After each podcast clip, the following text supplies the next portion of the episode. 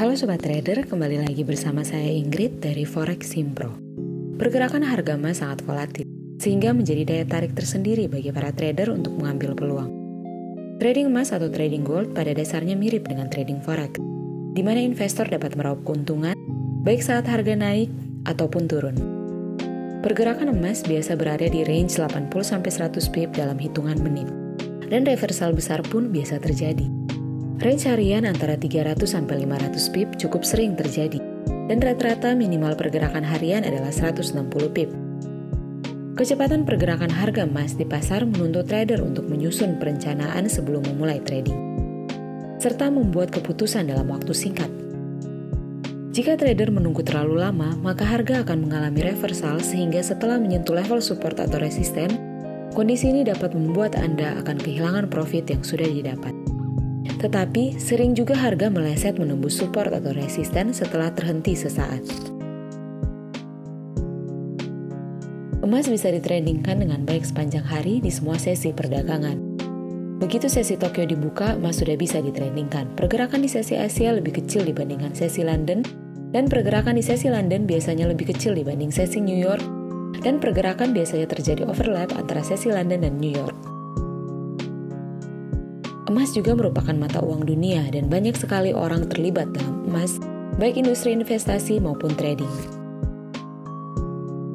Pada umumnya, hal-hal yang mempengaruhi harga emas adalah yang pertama tingkat inflasi, yaitu semakin tinggi inflasi maka harga emas akan semakin naik. Yang kedua, permintaan akan emas fisik, yaitu semakin tinggi permintaan, harga emas akan semakin naik.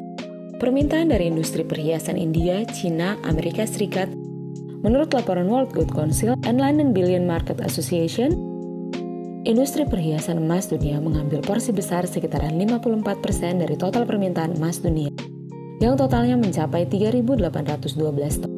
Sehingga besar permintaan datang dari industri perhiasan India, Cina, Amerika Serikat dalam dua bulan mencapai 200 ton.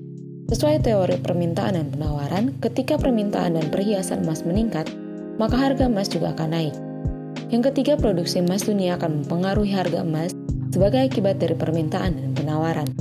Produsen utama emas dunia adalah Afrika Selatan, China, Australia, Amerika Serikat, Rusia, dan Peru.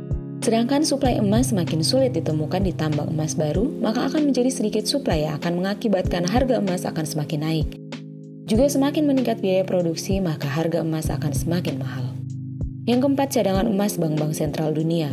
Jika bank-bank sentral dunia jika bank-bank sentral dunia membeli emas cukup banyak, maka suplai akan berkurang, yang mengakibatkan harga emas semakin tinggi. Jumlah cadangan emas bank sentral dunia selain uang kertas juga memiliki cadangan emas dengan jumlah besar. Laporan World Gold Council menyebut bahwa akhir-akhir ini bank sentral dunia lebih banyak membeli emas daripada menjual. Hal ini menyebabkan naiknya harga emas dunia. Bank Sentral Dunia yang memperbesar cadangan emasnya termasuk The Fed, Baris Bank Jerman, dan European Central Bank atau ECB.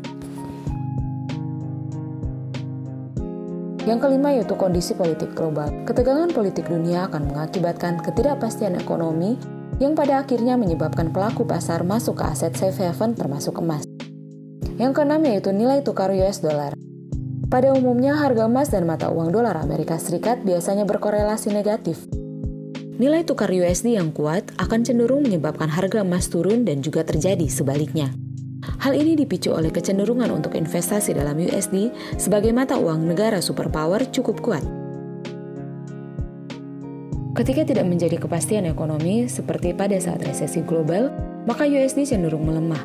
Dan ini menyebabkan investasi emas meningkat baik dalam bentuk fisik maupun perdagangan yang non-fisik walaupun tidak selalu korelasi antara dolar dan emas berlawanan. Hal inilah yang mempengaruhi pergerakan harga emas. Kalau menurut kami, jika kita masih newbie atau baru dalam trading forex, sebaiknya jangan dulu untuk trading emas, mengingat volatil dan fluktuatif yang sangat tinggi dari pergerakan harga emas. Sekian pembahasan kita hari ini. Terima kasih. Salam profit.